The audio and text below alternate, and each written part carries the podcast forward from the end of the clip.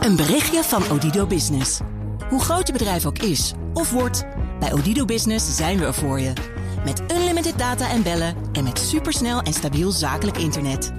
Ook via glasvezel. Ontdek wat er allemaal kan op odido.nl/slash business. Het kan ook zo. Politiek verslaggever Leonard Beekman, goedemiddag. Goedemiddag. Het is vandaag wel opeens heel snel gegaan met alle berichten over de, de vele versoepelingen die we kunnen verwachten. Waarom is er zoveel uh, uitgelekt? Nou, dat heeft te maken met het weeg- en het beslismoment. Bij de vorige persconferentie werd gezegd: over zes weken komen we, komen we pas terug met nieuwe maatregelen. Maar we hebben wel over drie weken alweer een weegmoment. Nou, die staat nu voor de deur. Maar dat beslismoment die is pas op 8 maart. Dat betekent dan dat ze op 8 maart weer een volgende persconferentie zou zijn. Maar wat er vandaag besproken is tussen de bewindslieden, is het dat beslismoment twee weken naar voren halen. Dus eigenlijk over twee weken. Maar dat doe je in de situatie waarin we nu zitten. Natuurlijk alleen maar als je nog verder, nog sneller wil gaan versoepelen.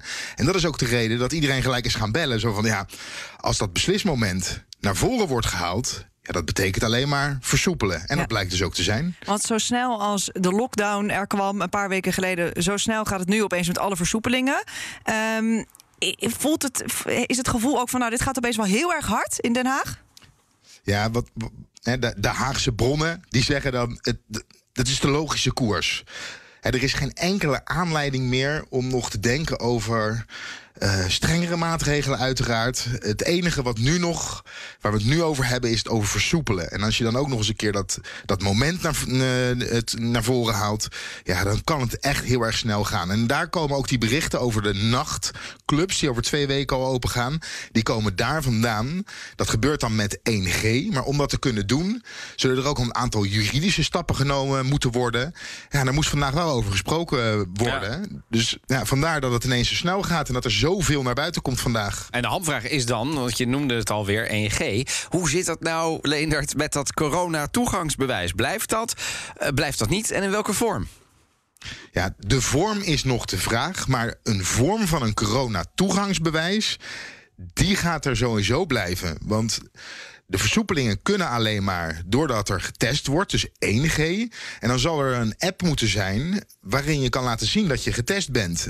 Dus alsnog een corona-toegangsbewijs met dan 1G. Maar die zou je op je telefoon moeten hebben en moeten laten zien. En je zou getest moeten worden. Dus het corona-toegangsbewijs, dat die helemaal niet meer nodig zou zijn. Dat is niet het geval. En dat is ook voor als je naar het buitenland wil reizen. Ja, dan zou je toch moeten laten zien dat je gevaccineerd bent. Bijvoorbeeld voor Amerika. Uh, en daar heb je toch echt een app voor nodig. Ja, want in welke we, vorm dat gaat gebeuren. Oh ja, sorry. Ja, nee, want we zien misschien, Leonard, dat wel die discussie over dat coronatoegangsbewijs uh, en 2G. Het wordt allemaal een beetje op één hoop gegooid. Van weg ermee. Um, maar goed, dat toegangsbewijs is natuurlijk ook gewoon die app waarmee we. Uh, ja, die moet dus in stand blijven om ook 1G te houden. Maar even over dat 2G. Want morgen is daar een stemming over. Over die wet. Maar die kan niet meer rekenen op een meerderheid in de Kamer, toch? Nee, absoluut niet. De Partij van de Arbeid was de laatste waarvan we niet zeker wisten hoe ze zouden gaan stemmen. En zij waren ook degene die 2G in leven konden houden of definitief een eind eraan uh, aan konden maken. Nou, dat gaan, vandaag hebben we, heeft uh, Adje Kuiken van de Partij van de Arbeid laten weten. Ik ga meestemmen met de motie van SGP Omzicht. En die motie die zegt veeg 2G van tafel, daar gaan we niet aan beginnen. En dat is toch wel belangrijk, want op die manier kan 2G niet in de gereedschapskist terechtkomen. En veel mensen vonden dat geen prettig idee. En die gereedschapskist, dat heeft misschien wel wat uitleg nodig. Dat betekent eigenlijk dat je het altijd achter de hand houdt.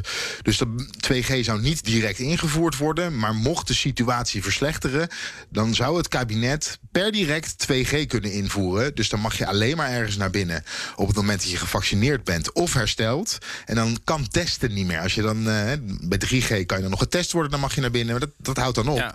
En veel partijen hebben daar toch bezwaar te, maken daar bezwaar tegen, omdat ze het niet proportioneel vinden. Zeker niet met de cijfers. Eh, van de TU Delft, waaruit blijkt dat het maar heel weinig effect heeft op de R-waarde. Ja, maar tegelijkertijd, Leen, wat, wat daar nou ja, op, minstens opvallend aan is, um, dat is natuurlijk in deze fase van de pandemie natuurlijk een, een, een, hele logische. Maar dat in die gereedschapskist houden, dat wilde natuurlijk het kabinet doen voor de misschien langere termijn. Stel dat er nou een besmettelijker variant komt. Uh, wat, is dit niet een beetje de, de, het kit met het badwater weggooien wat de Kamer doet? Want je ziet dat in ons omriggende landen hebben ze die 2G en 3G mogelijkheid gewoon in die gereedschapskist. Ja, en toch zegt het kabinet, zegt, uh, zegt het overgrote deel van de Kamer. Wij willen eerst aange willen eerst zien dat de maatregel proportioneel is. Want dit ja, ja. raakt zo de grondrechten van mensen. Op het moment dat, zoals het er nu naar uitziet, dat het maar 5% een effect heeft op de R-waarde, dus hè, de besmettingswaarde, hoeveel mensen je besmet, ja, dan vinden wij het te weinig om. Het, de grondrechten zo erg aan te tasten. En dat is de reden dat ze hem ook niet in die gereedschapskist willen hebben.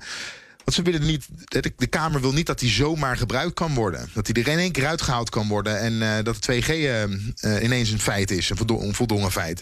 Leonard, er gebeurt natuurlijk ook nog meer in Den Haag. Zo is er op dit ja. moment in de Kamer een debat over de extra gaswinning in Groningen. Ook niet bepaald een klein dossier. de staatssecretaris voor Mijnbouw, Hans Velbrief, die begon met klare taal. Voorzitter, na alles wat er is gebeurd, zouden Groningers niet het gevoel moeten hebben dat ze moeten bedelen. Zouden ze niet in een rij moeten hoeven staan en zouden ze ook niet verrast moeten worden met een hogere gaswinning. En ik zie uh, als mijn taak voor de komende jaren daar een eind aan te maken. Dit staatssecretariaat heeft als hoofddoel de Groningers ruimhartig te helpen bij schade, bij versterken en een definitief einde te maken aan de gaswinning. Zo, nou met name dat einde, wat hij zegt, een definitief einde aan de gaswinning. Uh, wordt het extra oppompen van gas in Groningen daarmee dan ook teruggedraaid? Ja, dat dus niet. Hij ging er huh? nog even overheen. Want hij zei namelijk wel... in 23 of in 24 gaan we er echt definitief mee stoppen. Maar nu nog Alleen, even niet. Nu nog even niet. Nee, we zijn namelijk verplicht om gas aan Duitsland te leveren. En om uh, geïmporteerd gas geschikt te maken voor de Nederlandse markt, wordt er nu een stikstoffabriek gebouwd. Die is niet op tijd af. Dus op die manier kunnen we het ook niet oplossen. En de enige optie is nog om de Duitsers heel lief te vragen of ze misschien wat minder gas van ons willen afnemen. Als, de, als Duitsland dat niet wil, en dat is een, een bevriend land, zoals hij het zelf noemde, een bevriende natie. Ja, dan kunnen we niet zeggen, we leveren het niet. Dan zullen we het toch echt moeten leveren. Dus er werden wel door vuilbrief um, stevige woorden gesproken over het compenseren van de schade en het stoppen met het gas oppompen.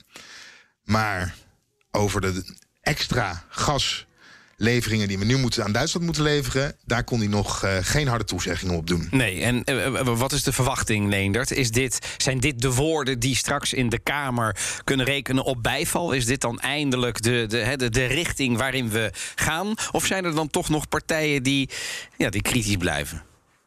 Er zijn wel partijen die kritisch blijven. En zelfs coalitiepartijen die zeggen... ja, dit, dit, had niet moet, dit had niet zo moeten zijn. Dit is een hele slechte start.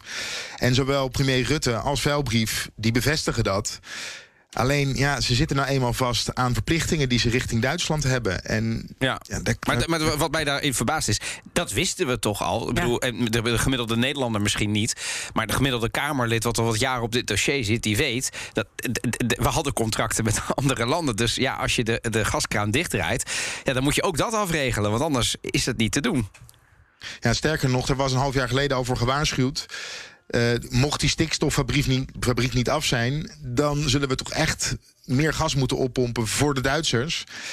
Ja, en die fabriek is niet eerder af. Dus ja. ja van mijlenver kon je het zien aankomen. En toch kwam het nog als een verrassing. Maar dat zie je wel vaker gebeuren. Wat trouwens ChristenUnie en uh, het CDA die pleiten er nog voor om het gas, de, de opbrengst uit het gas, want die heb je natuurlijk wel, die je verkoopt aan Duitsland, dat extra gas, om dat direct aan de Groningers te geven. Ja, ja. Alleen daarvan zei Vuilbrief, ja, dan moet ik eventjes uh, op bezoek bij de minister van Financiën, want dat kan ik niet zomaar toezeggen. Ja. Nou, we gaan uh, de komende jaren meemaken wat deze woorden van de staatssecretaris waard zijn. Dankjewel, politiek verslaggever Leonard Peekman. Een berichtje van Odido Business. Hoe groot je bedrijf ook is of wordt, bij Odido Business zijn we er voor je. Met unlimited data en bellen en met supersnel en stabiel zakelijk internet.